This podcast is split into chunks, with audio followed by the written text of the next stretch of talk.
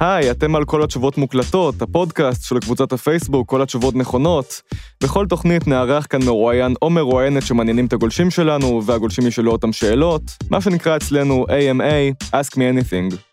הפודקאסט הזה מתקיים בזכות מנויי הפטריון שלנו, נשמח מאוד אם תצטרפו, בתמורה תקבלו עדיפות בשאלת שאלות ועוד הטבות מיוחדות, כל הפרטים בפוסט הנעוץ בראש הקבוצה, ואם אתם עוד לא בכל התשובות נכונות, אז יאללה, בואו כבר, כיף אצלנו.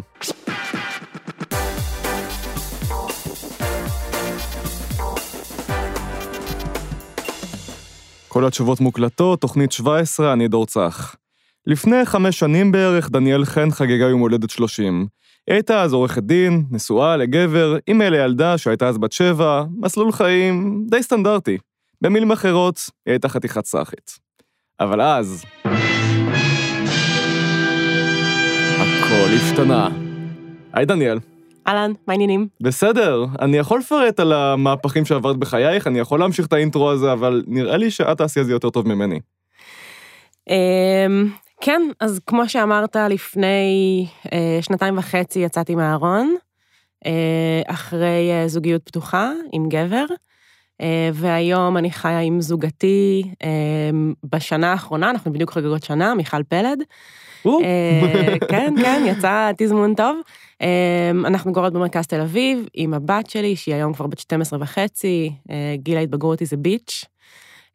וגם בחיים המקצועיים עשיתי שינוי מאוד משמעותי. בחמש שנים האחרונות אני עובדת בשיווק דיגיטלי ובעיקר קהילות. בשלוש שנים האחרונות אני מנהלת את קהילת סופרגר זה אופי. בשנתיים האחרונות את הקהילות של מנהל חינוך מעיריית תל אביב-יפו. קהילות הפכו להיות ממש החיים שלי, mm-hmm. האמת. אנחנו תכף נדבר גם על המקצועי, אחרי זה נעבור גם לאישי יותר בסוף. אבל קודם כל, מה גורם לאדם בגיל 30, די מבוסס, די כבר במקום אה, שמסתדרים בו, להגיד, וואלה, זה לא מספיק. ברמה המקצועית. בכל רמה. בכל הרמות. בכל רמה, איך בכלל עושים את הסוויץ' הזה במוח? כאילו, איך לא קמים כל יום בבוקר ועושים את אותו דבר? אה, אני חושבת שהשינוי הראשון התחיל כשהייתי עורכת דין.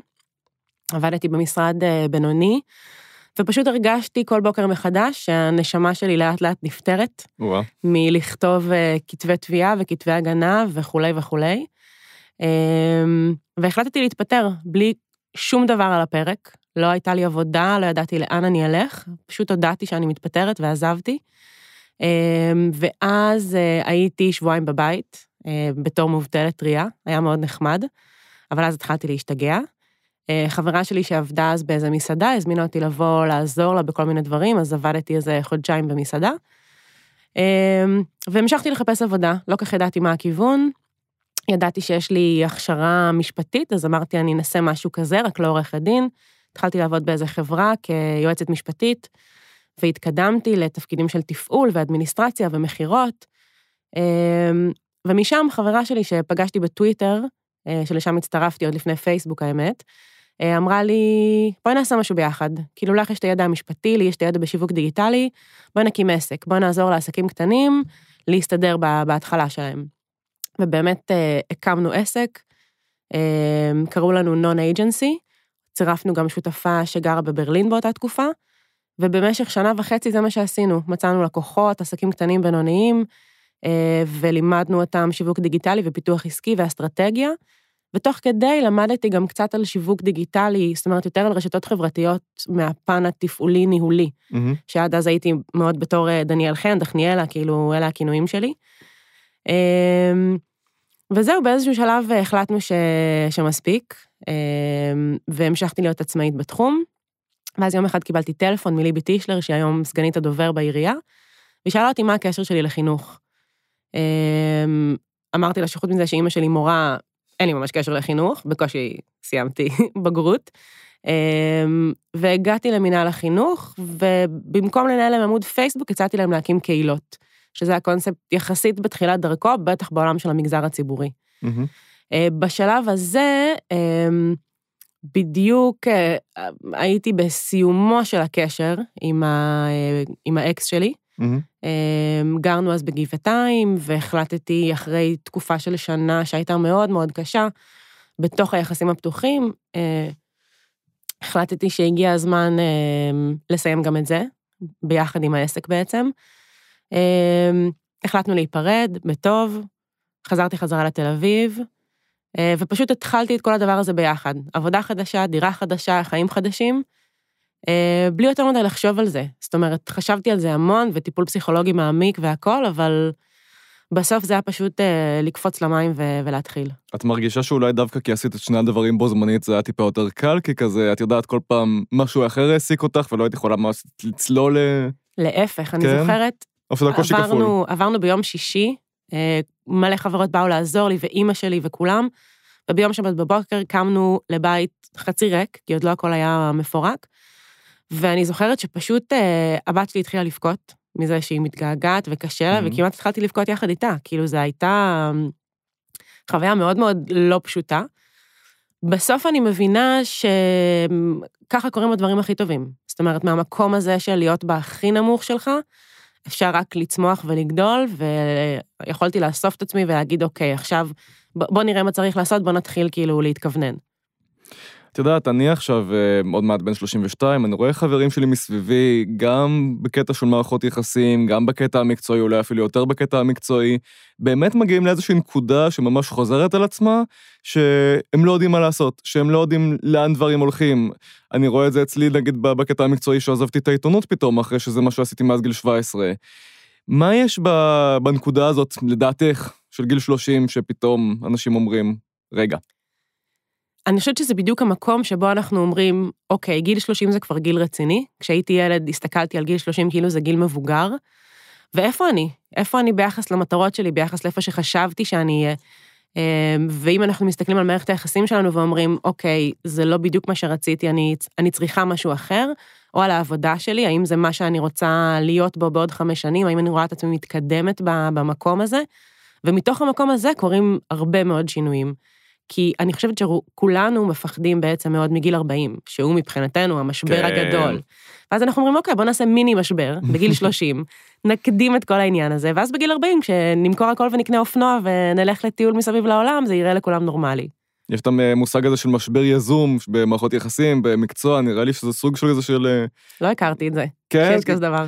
יש כזה דבר, כאילו שאתה ממש כזה יוזם באופן ממש מודע איזשהו מיני משבר, כדי למנוע משהו יותר אה, גדול ובעייתי אחר כך. אז, אז יכול להיות שזה ממש כזה, כי, כי גיל 30 זה באמת איזושהי נקודה בחיים שלך, זאת אומרת, זה כבר המקום שבו אתה מסתכל הצידה ואומר, רוב החברים שלי במערכות יחסים, עם ילדים, מצאו את עצמם בעבודה, מתחילים ככה למצוא את המקום שלהם בעולם הזה, וזה ממש ככה, אולי כמעט השלב האחרון לעשות איזה שינוי מאוד משמעותי. עכשיו, זה לא באמת נכון, אני מכירה אנשים ונשים שעשו שינויים בגילים הרבה יותר מבוגרים, 40, 50, 60 וכולי. מהמם. אבל מבחינתנו, מבחינת מה שאנחנו מכירים, אתה יודע, כדור ביניים, שגדל על טכנולוגיה, אבל עדיין זוכר מה זה שקוראים לך למטה לשחק מהרחוב וכאלה, אמ, עדיין קצת מסתמכים על מה שאנחנו מכירים, עדיין כן מסתכלים על החיים של ההורים שלנו ואומרים, אוקיי, ככה אני רוצה או ככה אני לא רוצה להיות. מהמם. אז אה, הזכרת את Supergirls, ולמי שככה איכשהו, איכשהו מאזינה, מאזינה לזה, ולא מכירה, לא נחשפה, לא יודעת, מה זה? מה זה הדבר הזה? Supergirls זה אופי, הוקמה כקבוצת חברות על ידי אה, מריה גרין פוברצ'יק בסוף 2015. אה, המטרה שלה הייתה בעצם לפתוח איזשהו מקום לנשים שמתמודדות עם כל מיני אתגרים בחיים ביחד, אימהות, קריירה, זוגיות וכולי וכולי. ביום הראשון שהיא פתחה את הקבוצה הזאת בפייסבוק, היו שם 50 נשים, לאט לאט הן הזמינו את החברות שלהן, ולאט לאט התחיל איזשהו שיח, אה, אה, עלו המון פוסטים של היכרות, והמון אה, דיבורים בנשים, שיח על כל מיני נושאים, ולאט לאט זה פשוט גדל. היית שם מההתחלה? הייתי שם מההתחלה, אני מכירה את מריה עוד כמה שנים לפני זה, אני מכירה את אה, בעלה מטוויטר, אז ככה היינו באותו מעגל חברתי, אה, אבל עד אז לא ממש היינו חברות, והאמת שגם בהתחלה לא, לא כל כך היינו חברות, זאת אומרת, אני בהתחלה לא ממש הבנתי מה זה. גם לקח לי קצת זמן אה, להיפתח ולכתוב ולהכיר. אה, למזלי או לצערי, אה, מריה הקימה את הקבוצה שלושה ימים לפני היום הולדת שלי. מהמם. ואז ביום הולדת שלי היא כתבה איזה פוסט כזה של אה, יש היום מזל טוב לדניאל ותאכלו לה מזל טוב, אז ככה יצא לי קצת יותר להתערבב. אמ, הייתי בקהילה בערך אה, שנה וקצת, אמ, עד שהחלטתי להצטרף אה, לצוות ניהול, שעד אז כבר היו בו לדעתי שבע או עשר נשים. אמ, וככה התחלתי לחפש את עצמי בתוך אה, שלל אנשים שם שעשו הכל מהכל, גם ניהול הקהילה באונליין, וגם ניהול אירועים, וגם מענה לפניות וכולי. אה, וממש קצת אחרי זה, מריה החליטה להתחיל איזשהו תהליך של הפיכת הקהילה לאיזשהו מיזם חברתי עסקי. mm-hmm. ביחד עם עופר פלין, שהוא מומחה לעסקים חברתיים, אה, והצטרפתי למהלך הזה. Mm-hmm. אני חושבת שהייתי היחידה בצוות שמריה הכירה, או שכאילו היינו חברות ממש טובות מלפני, אה, וממש עברנו חלק מהשלבים ביחד, ובאיזשהו שלב מריה הבינה שהיא כבר לא כל כך נהנית מלנהל את זה לנהל את הצוות, לנהל את הקהילה, להתעסק אה, כל היום בפניות של אנשים ובלארגן דברים ושיתופי פעולה וכולי, ושאלה אותי אם בא לי, בא לי להיכנס לזה. אמ, וחשבתי על זה המון והחלטתי שכן. זאת אומרת, הקהילה הייתה מאוד יקרה לליבי, מאוד אהבתי אותה. לא הייתי ממובילות השיח, לא הייתי מאלה שכותבות הכי הרבה פוסטים, אבל מאוד נהניתי להיות בה. וברגעי משבר מאוד גדולים בחיים שלי, היא הייתה שם בשבילי. גם כשהחלטתי להתגרש וגם כשקרו לי דברים אחרים ושיתפתי שם וקיבלתי המון אה, חום ואהבה. אמ, ובאמת מאז התחלתי קצת לבנות את הדרך שלי בתוך הדבר הזה.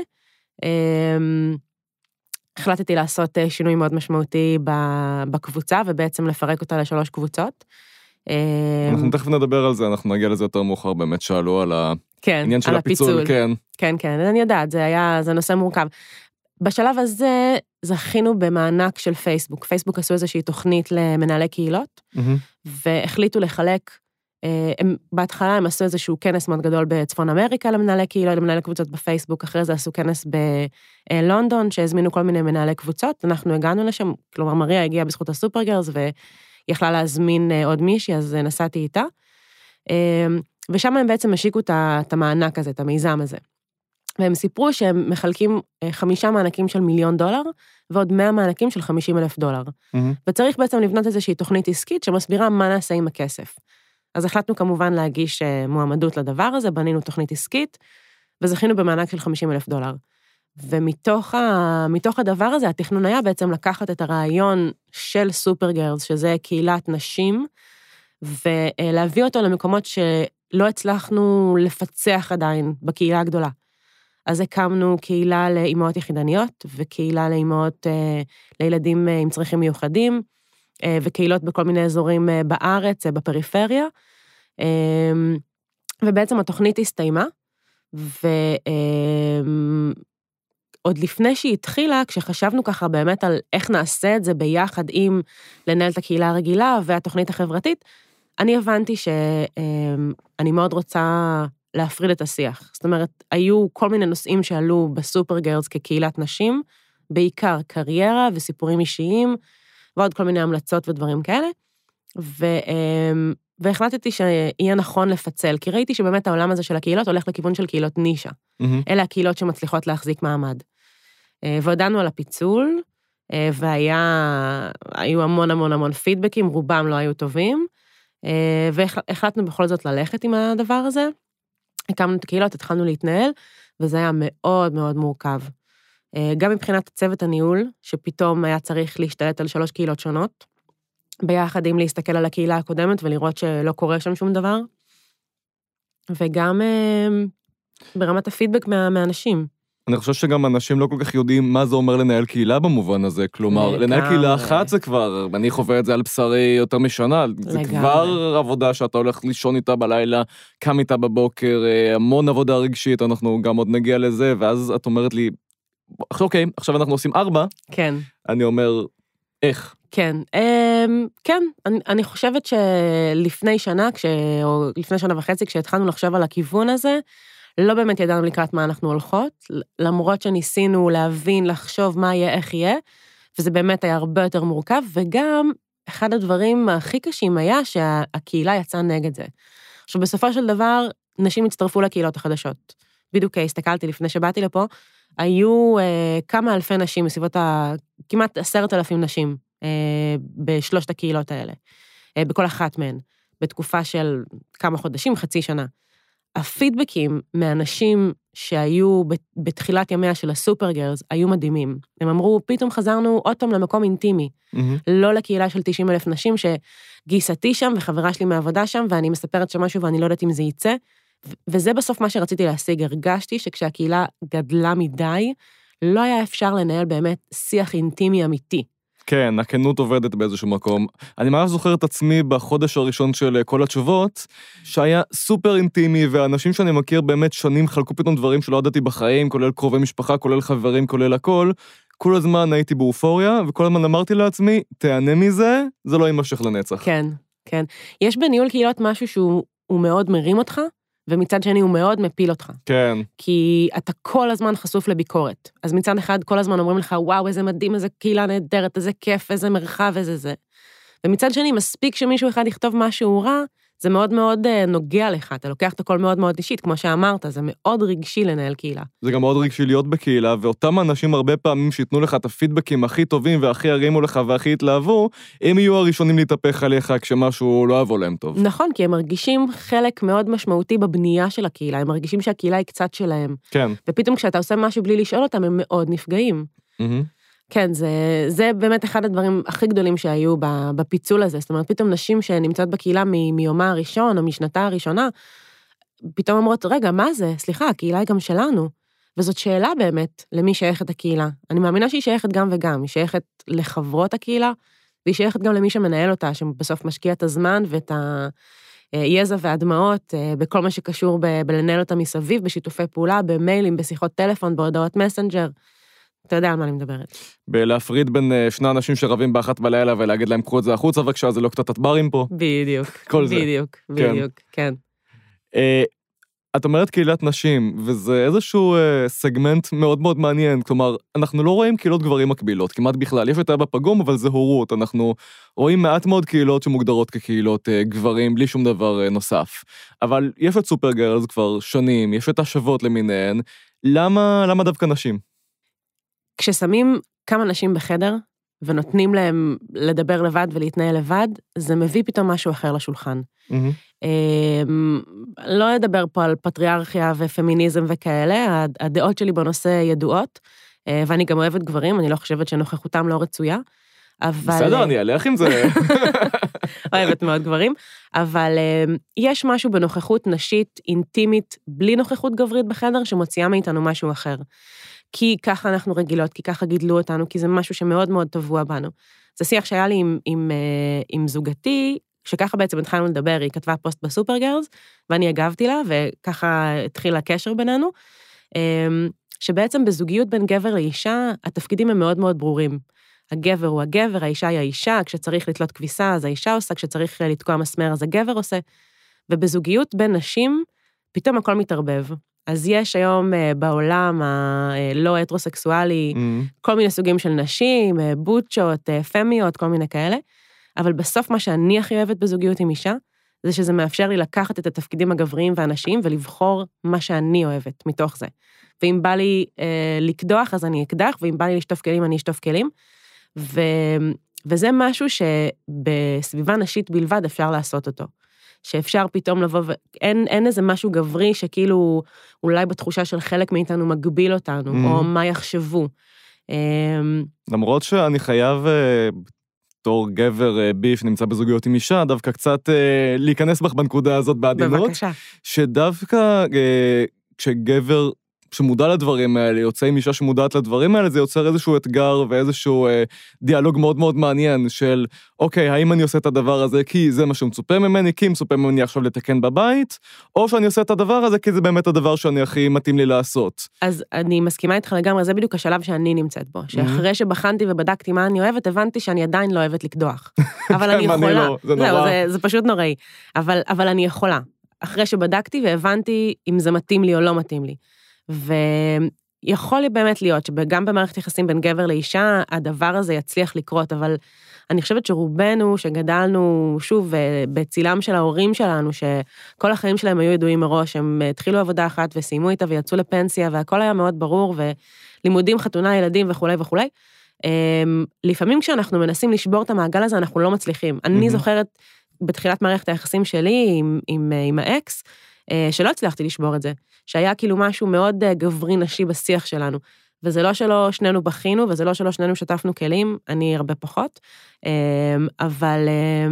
אבל, אבל כן, אבל זה שם, ונורא קשה לפרק את זה. כן, אחת הסיבות שהקמתי את כל התשובות על בסיס אה, של משתמשים מאוד מסוימים, זה היה שחלק גדול מהמשתמשים האלה, שגם מן הסתם חברים שלי, הם קווירים, או להט"בים בכל מיני צורות, או פשוט סטרייטים שיותר מודעים, כן. כדי לאפשר באמת את הפירוק הזה. ועד עכשיו אני רואה, את יודעת, שאנשים מעלים שאלות מאוד סטריאוטיפיות אצלי בקבוצה, תמיד יהיה מישהו שיגיב בתייר שאל אותי מה זה סאחי, או בהאם הסטרייטים תקנים, או בדברים כאלה.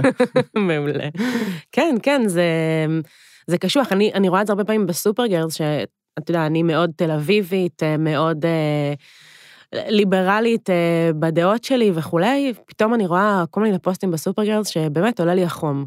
כן. כאילו, כל מיני אה, על מערכות יחסים בין גברים לנשים, של כאילו דברים מאוד מאוד מאוד סטריאוטיפיים, שחשבתי שכבר לא נמצאים, שלא קיימים בעולם, אבל... מה למשל? בלי להעליב אף אחד. לא, בלי להעליב אף אחד. כל השיח הזה של אה, קניתי בגדים והחבאתי מבעלי שלא יראה. וואו. כאילו, זה שיח שמאוד קשה לי איתו. סליחה, את אישה, את עובדת, את אחראית על החיים שלך, את יכולה לקנות מה שאת רוצה, ושוב, בגבול המותר, כאילו, תשמרי על חשבון הבנק שלך. תגיד לו להיכנס למינוס, מה זה קשור אם בעלך רע או לא. זה, וכאילו, צריך להיות משהו שהוא מאוד מאוד שוויוני. במערכת היחסים. יש את הבדיחות המאוד סטריאוטיפיות, וזה בסדר לקחת את זה למקום הזה של הומור. אבל הפוסטים האלה לא עולים בהומור, הם עולים אמיתיים. אני מתחרפן מהשיח של האם זה נורמלי, כל דבר שהוא קצת חורג מהקונבנציה כן. המגדרית הקלאסית, האם זה נורמלי שאישה לא מסירה אה, שיער בבית צ'כי, האם זה כן, נורמלי? כן, אבל טוב, אנחנו שנינו גרים בבועה מאוד מאוד כן, תל אביבית. וזה כל פעם מחזיר אותנו כאילו למה קורה במדינה שלנו. שאנחנו תמיד חושבים שפתאום אה, מפלגת העבודה תקבל 80 אה, קולות, או מרץ, או המשותפת, ומקבלים אה, כאפה. כן. למה, אגב, את חושבת שדווקא סופרגרל זה תפסה בצורה שהיא תפסה? אני חושבת שהיא נכנסה לנישה שלא הייתה קיימת אז. היה את ממזון, שהייתה קהילה מאוד מאוד גדולה, אבל ממזון הייתה רק לאימהות, והיא עסקה באימהות. וסופרגרס פתאום הייתה מקום לדבר על הכל, קריירה, זוגיות, מערכות יחסים, תקשורת, והיא באמת פתחה לנשים אה, איזשהו מרחב שלא חסם אותם, לא אמר להם, לא, רגע, סליחה, זה לא מתאים לפה, זה כן מתאים לפה. אמ, זה פשוט הגיע במקום הנכון, בזמן הנכון, עם הנשים הנכונות. אני חושבת שהרבה מהעבודה שמריה עשתה בהתחלה גרמה לכל זה לקרות. אה, זה שהיא באה מעולם היח"צ והיא יודעת לדבר עם תקשורת, כשהתקשורת פנתה ו... וביקשה לראיין או לשאול. אז המון, המון עבודה שלה ושל הצוות המדהים, שאתה יודע, באמת עבד המון בהתנדבות, כדי שהקהילה הזאת תקרה. Mm-hmm. קיבלנו שאלה שהיא קצת כללית, אבל היא יכולה להוביל למקומות uh, מעניינים, קצת mm-hmm. ניגענו באיך זה מרגיש לנהל קהילה, אז זה בדיוק מה ששאלו, איך ההרגשה? כלומר, קמים בבוקר, מסתכלים על הטלפון או על המחשב, מה, מה, מה התחושה הראשונה שעולה? מה קורה? אמ, עשיתי פעם אה, הרצאה כזאת, יום, יום בחיי של מנהלת קהילה. Mm-hmm. אז כן, אז אני קמה לעשרות אלפי נוטיפיקציות בטלפון, מכל הקהילות השונות, מפייסבוק, מכל המקומות האחרים. אמ, מאוד משתדלת לקרוא כמה שפחות, כי אין לי שום יכולת לזכור, אם, אם אני צריכה לעשות דברים אחרי זה, אני לא זוכרת כלום. Mm-hmm. ואז אה, זה פשוט כל היום להתחיל מן איזושהי התנהלות כזאת של אה, ניהול משימות. זאת אומרת, אה, נגיד אה, פנו אליי בפרטי שלוש נשים שרוצות להעלות פוסט אנונימי. אז אני מתנהלת מולן בשיחה, בודקת באיזה נושאים, אם זה בנושאים שאנחנו מאפשרות, אם כן, או מעלה בעצמי, או מעבירה לחברות הצוות האחרות שיעלו הן, מקבלת פניות על שת"פים, הצעות, ביקורת, כל מיני כאלה. אה, נכנסת לפיד, עוברת על הפוסטים, רואה את הפוסטים לאישור, רואה בקשות הצטרפות של נשים. זאת אומרת, זה כל היום סביב זה. אה, שוב, כמובן ביחד עם הצוות, כאילו, אני ממש לא כן. עושה הכל לבד. אה, אבל זה, זה ממש כל הזמן ככה. נגיד עכשיו יש לנו איזשהו שת"פ עם חברת סרטים, שאנחנו מחלקות כרטיסים לסרט שיצא לקולנוע לפני איזה שבוע, סרט כזה מאוד נשי, ביזנסי עסקי. איזה אמ, סרט אגב? נעשה קצת פרסום הדדי. נעשה promotion. כן, אני גם אעשה promotion למשהו שאנחנו עושים במקביל. יאללה, זה נקרא אה, שחקי אותה בוסית, אה, סרט שנראה מאוד מאוד חמוד, ואנחנו מחלקות אה, עשרה כרטיסים זוגיים לחברות הקהילה, למי שמספרת מה האתגר הכי גדול בלהיות בוסית. אה, שזה נגיד שת"פ שהסכמתי, כי הוא מאוד מאוד מתחבר עם הערכים של הקהילה שלי, שמדבר על קריירה והתנהלות כאישה בחדרי ישיבות מול אנשים וכולי וכולי. זה שיח שאני גם מאוד מאוד אוהבת לעורר אותו mm-hmm. בקהילה. אה, אז זה נגיד הסכמתי. קשה לי מאוד עם שת"פים, כי אני, אני לא רוצה להתמסחר יותר מדי. כן. זאת אומרת, אני לא רוצה לעשות דברים שהם רימוטלי, כאילו, ומאוד מאוד לא קשורים למה שקורה בקהילה עצמה. זה בדיוק הסיבה שאני לא הכנסתי פרסום אה, מסודר עדיין לכל התשובות, אני עדיין בודק אם ואיך, כי אני לא רוצה לעשות דברים שלא קשורים אה, בכלל, זה בעיניי. כן. לחטוא לקהילה. לגמרי, מה שאנחנו כן עושים השבוע הזה גם, זה, זה, זה באמת לחלק כרטיסים לסרט למנויי הפטריון שלנו. אנחנו, אנחנו מחלקים לעיניים שלי, שרן mm. נעים, השחקן הראשי בו, שמשחק שוטר שהחיים שלו התהפכו, אה, זכה בפרס אופיר עליו. אה, הוא עשה השבוע גם AMA אה, בקבוצה, דיבר על הסיפור שלו, על תקרית שהייתה לו כשוטר בזמני התנתקות, שהוא היה אלים כלפי מפגין, לדבריו בצדק. בית המשפט לא קיבל את זה, אה, וככה הוא הפך בעצם לשחקן. אה, מן הסתם התחיל שיח אה, בקבוצה, גם, גם איזשהו ויכוח איתו, אבל גם כמובן על הקריירה החדשה שלו, גם על הסרט. באמת דברים מהסוג הזה אני, אני מאוד שמח לעשות. לא בהכרח כי אני רוצה, כאילו, אירוח אצלי זה לא צ'ופר. Mm-hmm. זה, זה משהו גם חשוב לי מאוד להדגיש, אירוח אצלי זה לא צ'ופר, אבל זה כן מקום לפתוח איזשהו שיח שהוא יותר מעניין, יותר אישי, יותר מתחבר לחוויות אישיות, יותר מתחבר כן. לחוויות חיים. כן. אז במובן הזה אני מאוד מזדהה עם מה שאת אומרת, שהוא לחפש באמת השת"פים ה... כן, שבאמת רלוונטיים. רלוונטיים. בגלל זה כשמציעים לי דברים של אה, אה, סטיילינג או דברים כאלה, מאוד מאוד קשה לי להסכים לזה, כי מרגיש לי שזה פונה לחלק מאוד קטן בקהילה. אבל כשנגיד אה, מציעים שת"פים של אה, מוצרי מחזור או כאלה, אני מאוד מאוד בעד. כי זה, שוב, זה משהו שפונה לנשים כנשים. כן. אה, סרט כזה אה, שמתעסק נשים בקריירה. כנשים, נשים סיס כנשים, נגיד, כדי נשים לא... נשים סיס כנשים, כן. לגמרי, לגמרי. אגב, אני אגיד שיש לנו בקהילה גם, לא, כאילו, נשים שהן לא סיס. Mm-hmm. זאת אומרת, אנחנו מאוד מאוד בעד, כל מי שמגדירה את עצמה כאישה, מבחינתנו welcome. אה, מן הסתם יש המון המון החלטות לא פשוטות שצריך לקבל אה, בניהול קהילה, ממש כל יום, כל שעה, כל רגע, להפעיל כל הזמן שיקול דעת, אפילו בפוסט הפרומו שהעליתי לפודקאסט הזה, מישהי אמרה, היי, חסמתם אותי וזה לא נכון, לא מוצדק וזה נכון. לא היה פה. Uh, איך מתמודדים עם זה? כלומר, איך יוצאים מהתגובה הראשונית של, אוי, אין לי כוח לזה, ומתחילים לקבל החלטה יותר מושכלת? איך עושים את ההשהיה הזאת? זה קשוח מאוד, כי, כי התגובות האלה חודרות. כן. כשראיתי את, את התגובה שכתבה אותה בחורה, שחסמנו אותה, שגם היא שאלה את זה בצורה קצת uh, טרולית, כאילו, סליחה. כן, uh, זו הטרלה מכוונת כן, מן הסתם, כן. כן, הבנתי. אז uh, איך מתנתקים? לא מתנתקים. אני נשארת עם הדברים האלה, אני זוכרת את רוב הדברים הרעים שאמרו לי עד היום, את רוב הביקורת שהטיחו בי עד היום. זה, זה חלק מזה. זה כן גורם לי לחשוב כל הזמן, האם מה שאני עושה הוא בסדר, האם mm-hmm. אני לגמרי שלמה עם ההחלטות שקיבלתי, עם ההתנהלות ש, שבה התנהלתי. אה, ואני חושבת שאותי כאדם וכמנהלת קהילה זה, זה מפתח. Mm-hmm. ועשיתי טעויות, אני לא מתביישת, אבל אה, התנהל איזה דיון בקהילה אחרת השבוע על הנושא של באמת מוניטיזציה. וכתבתי שם משהו על הפיצול של הקהילות, ומישהי כתבה לי, כן, שזה היה כישלון. אמרתי לה, אני לא רואה את זה ככישלון. כן, זה, אה, זה משהו שלא עבד, וכן חזרנו לקהילה הגדולה לפני זה, אבל זה לא היה כישלון. אה, למדתי מזה המון, mm-hmm. לקבוצה מסוימת של נשים זה היה נהדר, וגם הצלחה היא דבר מאוד מורכב. גם כל הצלחה שאני חווה היא לא תמיד מושלמת ומדהימה ונהדרת ואיזה יופי. אז גם הכישלונות הם כאלה. אני דיברתי יותר דווקא על המקום שאת צריכה להתערב, דורשים ממך להתערב כמנהלת. יש לך איזשהו אינסטינקט ראשוני למה לעשות, שזה mm-hmm. הרבה פעמים כאילו לכסח, mm-hmm. ואז את צריכה לקחת את הצעד אחורה ו- ולחשוב, איך, איך עושים את זה כל פעם? כלומר, מה, מה את אומרת לעצמך כשאת רואה תגובה ש... אני מתייעצת, אני בעיקר mm-hmm. מתייעצת עם הצוות, אה, שואלת אותן מה דעתן, גם לפני שאני כותבת הודעות קשות או תגובות קשות, אני כמעט תמיד מתייעצת איתן, אה, באמת כדי לוודא שלא עפתי על עצמי יותר מדי. אמ, כי, כי כל אחת מאיתנו תופסת תפקיד אחר, אחת היא מאוד תומכת אה, ומכילה, והשנייה היא מאוד אה, כועסת, ואני איפשהו באמצע כנראה. אה, הרבה פעמים אני גם אכתוב תגובות סתם ואשלח אותן לצוות, כאילו אני צריכה להוציא את זה לאנשהו, אז אם אני לא מוציאה את זה בקבוצה, אם אני לא כותבת איזו תגובה קשה לאותה חברת קהילה, אני אכתוב לחברות כן. הצוות שלפחות זה יצא.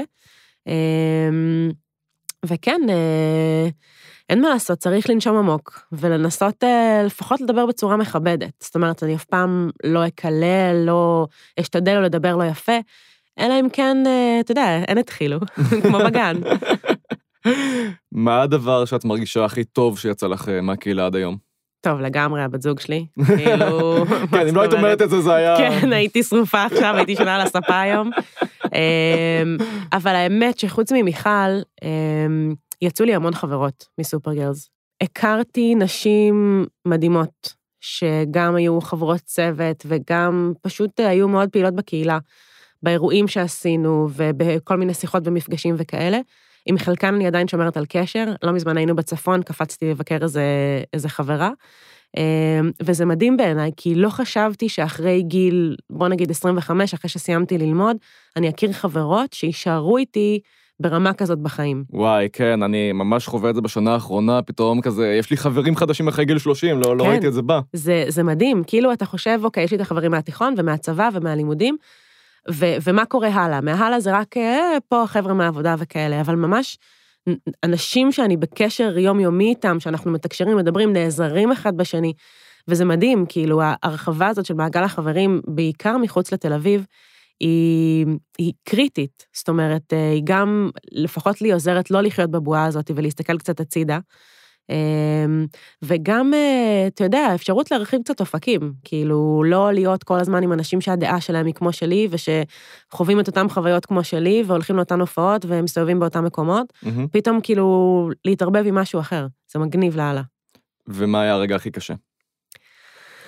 הרגע הכי קשה, אה, היו הרבה כאלה, אני חושבת שהרגע הכי קשה היה כש... אה, קראתי את כל התגובות על הפיתול של הקהילה. מהמם. כי בעצם מה שעשינו, חגגנו שלוש שנים לקהילה. אמ, כמה ימים לפני זה הודענו שזכינו במיזם החברתי של פייסבוק, ואז ביום הולדת של השלוש שנים עשינו אירוע. אמ, זה כזה אירוע הדגל שלנו, זה נקרא Inspire, ובאות לדבר נשים אה, מובילות מהקהילה עם סיפורים ככה מאוד אישיים, ובסוף מריה עלתה לדבר וסיפרה את זה. והכל היה מתוזמן, הקהילות החדשות כבר קמו, כבר זה רק היה ללחוץ בקליק ולהעביר את כולם הלאה. והעלינו את הפוסט לקהילה, ו... והתגובות היו קשות מאוד, Mm. כאילו ברמה של מי אתן ומה אתן חושבות, ואיזה גרועות אתן. וגם, וגם דברים הרבה יותר קשים.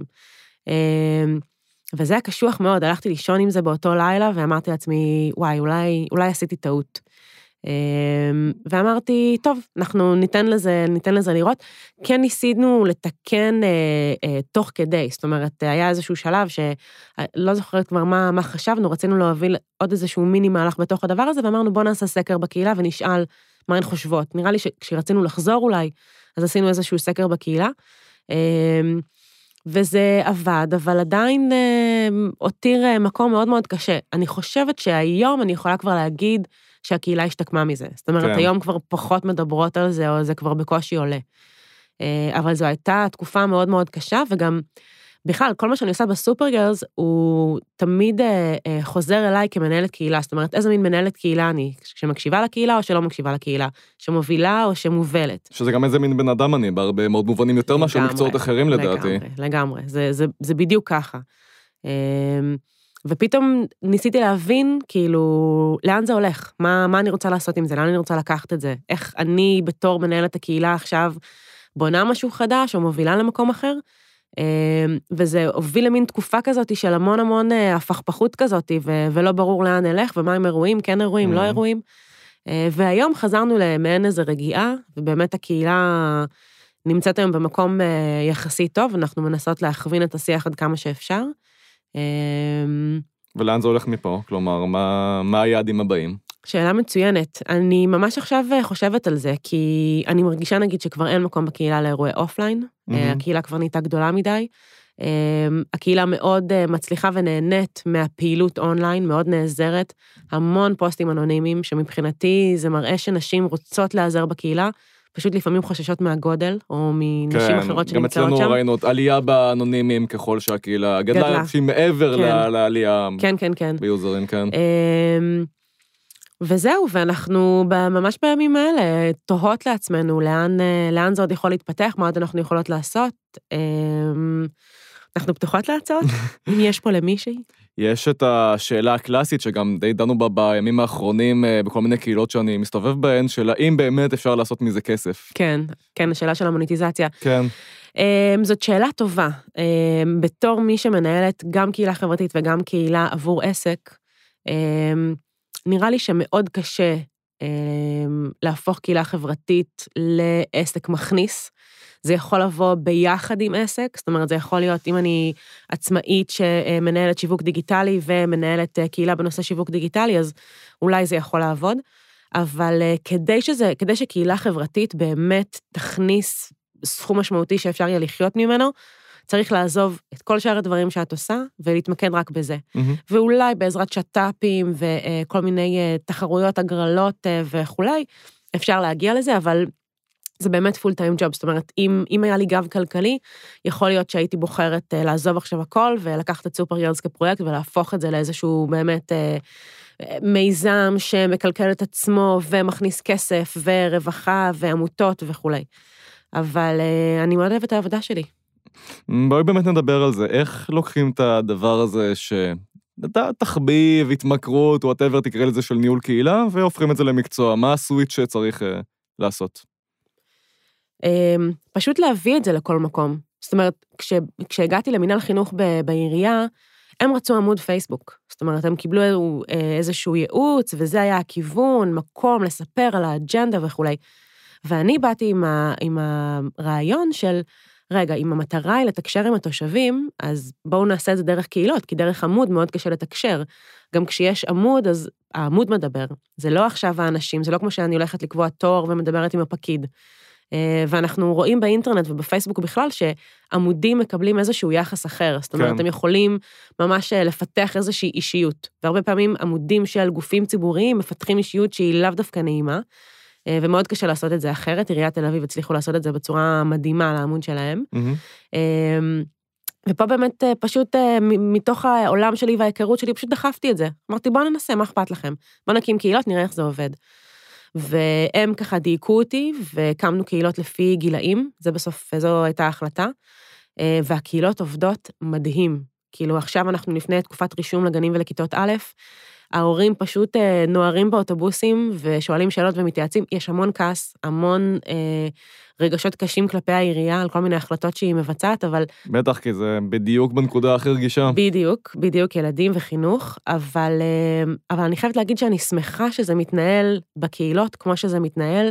אה, ושהעירייה בכלל מאפשרת את השיח הזה, זה מדהים. אני מאשרת פוסטים שיוצאים נגד העירייה בקבוצה, וכל פעם מחדש זה מדהים אותי שהעירייה מאפשרת לי לעשות את זה, mm-hmm. ואפילו דוחפת, כאילו, אין, אין כזה דבר למחוק פוסטים, אין כזה דבר אה, לחסום אנשים. אמ, וזה באמת עניין של לקחת את, את אותו תחביב ולהסתכל על כל מקום בחיים שלנו ולראות איפה אפשר לדחוף אותו. אני בטוחה שזה עובד ככה לא רק עם ניהול קהילות, אם התחביב שלי היה לעשות אה, קרמיקה, אז הייתי דוחפת לעשות חוג קרמיקה לעובדים, ואולי היה יוצא מזה משהו. בתור מישהו שעוסקת גם בשיווק דיגיטלי בצורה מקצועית, את מרגישה שיותר מדי מנהלי קהילות באים בלי הידע הזה, בלי ההבנה הזאת של אה, מה זה בעצם אה, לבנות קהילה, שגם יודעת... כן, תראה, זה, זה סט כלים משלים. כאילו מנהל mm-hmm. קהילה צריך שיהיה לו קצת מיח"צ, וקצת משיווק דיגיטלי, וקצת מתקשורת והתנהלות מול אנשים, וקצת מהכל. אמ, אני חושבת שאפשר לבנות קהילה בלי ידע בשיווק דיגיטלי, תלוי איזו קהילה. קהילה חברתית, לא חושבת שזה ממש אה, מפריע. אבל אם באמת רוצים לקחת את זה לשלב הבא, אין ספק שזה קריטי. אמ, אני דווקא רואה הרבה מנהלי קהילות שמגיעים מתוך המקום של שיווק דיגיטלי. זאת אומרת, אנשים מהתחום שנחשפו לעולם הזה וממש הופכים את זה לחלק מהארסנל הכלים שהם אה, מביאים כיועצים או כאנשי דיגיטל. אמ, וזה נחמד, זה מאוד נחמד. Mm-hmm.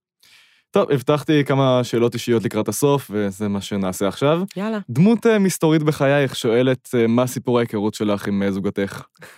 ייתכן שזו היא? ייתכן. יש אפשרות.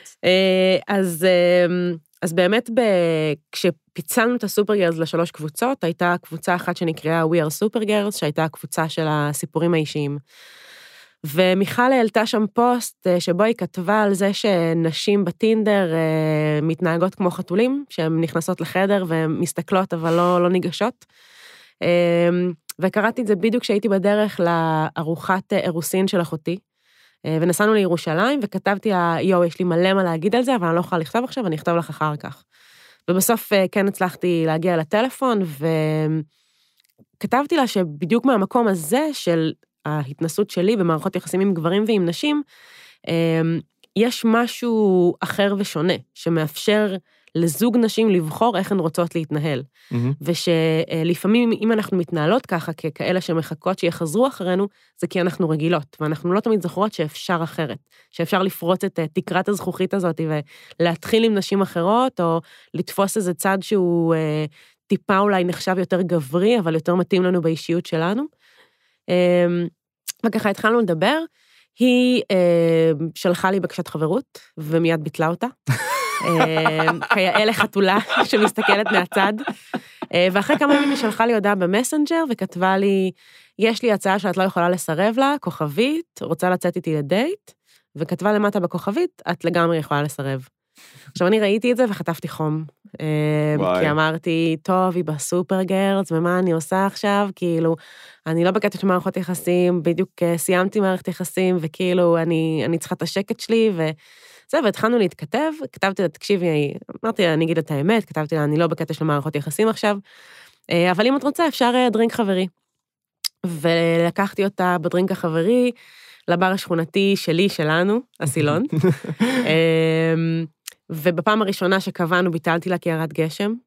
ואז בפעם השנייה באמת אה, קבענו ונפגשנו, וישבנו שם על הבר בסילון, ופשוט התאהבתי. כאילו, באתי הכי לא מוכנה, הכי בקטע של, "אה, טוב, אה, נעביר פה איזה שעה בכיף, וכאילו, ואז אה, נסיים ונלך וכל אחת תחזור לענייניה, והיה מרתק. ופשוט נפתחנו, ו... ומאז אני התחלתי איתה, ואחרי זה באתי עליה עד לפתח תקווה. לדייט. עד לפתח תקווה. זאת השקעה מבחינתי. איך הילדה הגיבה? אמ, עד אז יאלי לא ידעה בכלל אה, שאני יוצאת עם נשים. אז הייתי צריכה בעצם לספר לה גם שאני יוצאת עם נשים וגם שאני יוצאת עם מיכל. אה, אז לקחתי מנחת הורים, אה, מישהי מדהימה בשם ענת מאור, שעזרה לי בשש או שבע פגישות לסדר את הסיפור שלי, את מה שאני רוצה להגיד, את איך להגיד את זה, מה אני צופה שיאלי תגיד, איך אני אתמודד עם מה שהיא תגיד. ואיזה יום אחד פשוט תפסתי אותה בלילה במיטה, ואמרתי לה שאני צריכה לספר לה משהו, וסיפרתי לה שהיא הכירה את מיכל, היא Mhm. פגשה אותה איזה פעם, סיפרתי לה שמיכל ואני ביחד, בזוגיות, והיא אמרה לי, ידעתי! ואמרתי, טוב, אוקיי, הייתי כל כך ברורה, בסדר, סבבה. ודיברנו על זה ושאלתי אותה מה היא חושבת, והיא אמרה, זה מוזר. והיא המשיכה להגיד, זה מוזר איזה שבועיים. כאילו, זה מוזר, זה מוזר. אמרתי, טוב, כאילו, אני מניחה שזה באמת מוזר, היא רגילה לראות אותי עם, עם גברים, Mm. כאילו, לא, לא הכיר את הצד הזה. אמ, אני חושבת שזה גם מאוד מורכב, כי יאלי עכשיו בגיל ההתבגרות, וזה גיל קשה כן. מאוד. אז גם זה, וגם כל השינויים, וגם זה שמיכל עברה לגור איתנו, אמ, זה מאוד מורכב, אבל כמו שאמרתי למיכל השבוע, בריידי בנץ' אנחנו לא נהיה, אנחנו גם לא רוצות להיות. אנחנו צריכות לבנות את התא המשפחתי שלנו, כמו שאנחנו רואות אותו, ולנסות אה, לעשות מזה את הכי טוב. ויש רגעים שזה קשה מאוד, ויש רגעים שזה כיף, כמו, כמו חיי משפחה בכלל. זאת אומרת, אה, זה תמיד ככה. אמ, זהו, נמשיך לנסות, מה אני אגיד? התחלתי עם אה, שאלה על גיל 30 אה, והאזור, ונסיים עם שאלה כזאת. יש Mhm. אה, מחקרים שביסקסואלים נוטים לצאת מהארון בגיל יותר מאוחר. את יצאת בגיל 32, אם אני לא טועה, אני יצאתי לקראת סוף שנות ה-20. כן. למה אנחנו כאלה? למה אנחנו לא סגורים על עצמנו? אני, אתה ידעת לפני שאתה ביסקסואל? כן, אני ידעתי, אני התאהבתי בגבר בגיל, גבר נער, בגיל כן. 16. אה, ואז היה איזה שלב שהייתי בטוח אה, שאת יודעת, שהמצאתי את זה, שאני מהמם. משקר לעצמי, שסתם רציתי תשומת לב, כל הדברים שאתה מספר לעצמך ושאתה אומר שאתה סטרייט מאוד, ואז כן. עם השנים התברר שפחות. מהמם. אז זה מעניין, כי כשאני התאהבתי ב... באישה הראשונה שהתאהבתי בה, אה, לא הייתי ביסקסואלית. זאת אומרת, לא חשבתי על זה אף פעם, לפחות לא בצורה מודעת. אה, אחרי אה, שנה וחצי של עבודה עם הפסיכולוגית, אני מבינה שזה כנראה היה שם איפשהו, לא מודחק, אבל זה לא שהתאהבתי אי פעם במישהי בתור נערה או צעירה, תמיד יצאתי עם גברים, תמיד התאהבתי בגברים, גם אף פעם לא הרגשתי משהו לא במקום, זאת אומרת, אף פעם לא הרגשתי ש, שאני כאילו עם גבר, אבל לא בא לי להיות עם גבר, ופשוט פגשתי את אותה אישה, אה, והתאהבתי בה, ו... והבנתי שיש פה משהו. וזה Mhm. מאוד הלחיץ אותי, כי, כי באמת, כמו שאתה אומר, זה לא שהיה פה איזה משהו שנבנה. פתאום בגיל 32 גיליתי שאני גם מאוהבת בנשים. מהמם. אמ, ושוב, טיפול פסיכולוגי מעמיק אה, גרם לי להבין שזה אחלה, וזה רק אה, מרחיב לי את אה, מגוון האוכלוסייה האפשרית. אמ, ולמדתי, אתה יודע, לקבל את זה, לא ברמה של אה, לקבל את זה בקטע של הומופוביה עצמית וכאלה, אלא יותר במובן של להבין שלא משנה איפה זה היה. זאת אומרת, זה, זאת הסיטואציה עכשיו, והשאלה היא מה אני עושה עם זה. זה כן היה יותר מורכב להכיר נשים בגיל הזה, כי לא הייתי חלק מהקהילה הלסבית בתל אביב, אז לא ידעתי איפה, לאן הולכים, כאילו, וגם אם הייתי יודעת לאן הולכים, אז כנראה שלא הייתי הולכת לבד. אמ, אבל אה, זה, זה פשוט היה עוד איזשהו שלב, כאילו באמת אולי עוד חלק מהמשבר שאתה מקלף עוד איזה חתיכה בעצמך ומגלה עוד משהו שלא ידעת על עצמך קודם, שאתה מסוגל, שאתה רוצה משהו מסוים שאתה יכול. אמ, אז כזה. הקהילה סופרגרל זה עזרה לך עם זה? הרגשת שזה מקום שנוח לך אה, לפתוח בו? לא, אה, כי אני הייתי בהמון שאלות של חקר עצמי, של להבין כאילו מי אני ומה אני ומה אני רוצה. אמ, ושוב, בגלל שזאת קהילה מאוד מאוד גדולה, אז זה מאוד מורכב להיפתח שם על נושאים כאלה. כי יש שם המון נשים שבטוח אני מכירה או מכירות אותי איכשהו, אה, ויכלו אה, לספר את זה הלאה לאנשים אחרים, במקום שבו אני הייתי מאוד מאוד פגיעה. אה, אז פחות התייעצתי ודיברתי על זה שם, כן דיברתי על הגירושים ועל הפרידה ודברים שכאילו הרגשתי יותר בנוח להיחשף עליהם, אה, אבל זה משהו שהיה חומר אה, לטיפול הפסיכולוגי ולחברות הקרובות יותר. שאלה לסיום, מישהי שאלה, איך יקראו לפרקים בביוגרפיה שלך? אמ, הפרק הראשון יהיה עד גיל 30, והוא ייקרא אה, איך הייתי סאחית פעם, כנראה. אמ, וכל השאר, האמת שהחלום שלי הוא לעשות, אה, יש לי שמונה קעקועים, והחלום שלי לקעקוע הבא זה רכבת הרים, יש איזה משפט שאני מאוד אוהבת מספר, שהוא אומר, אה, I'm on a roller coaster that only goes up my friend, זה מ-The Fault The Fault in Our Stars של ג'ון גרין. אה, ומשהו עם רכבת הרים, כאילו, זה לגמרי יהיה הפרק השני בביוגרפיה שלי. אין דבר שיותר מפחיד אותי לחשוב עליו מרכבת שעולה רק למעלה, זה... הכנסת אותי לחרדות עכשיו. אני מתה על רכבת הרים, הצעתי למיכל אה, להתחתן איתי על רכבת הרים. וואו. כן, אז זה כאילו, זה, זה מאפיין. טוב, אז נקווה שהרכבת אה, תמשיך לעלות, ושגם הירידות, אם יהיו, יהיו סבבה. אה, ודניאל, תודה רבה שבאת. תודה רבה, היה כיף. גם לי. אנחנו סיימנו את התוכנית ה-17 של כל התשובות מוקלטות, אני דור צח, איתי במערכת אורנת כהן ורעות מרים כהן, עורך הסאונד הוא כרגיל אסף רפפורט, תודה לגולשות ששלחו שאלות, טל שני, מוריה שבי, נוי שמר שביט, קרן מאירי, עדי מנדלוביץ', אביטל לוסיברי, ואחת, מיכל פלד, אולי אני ככה מכירות. יאללה ביי.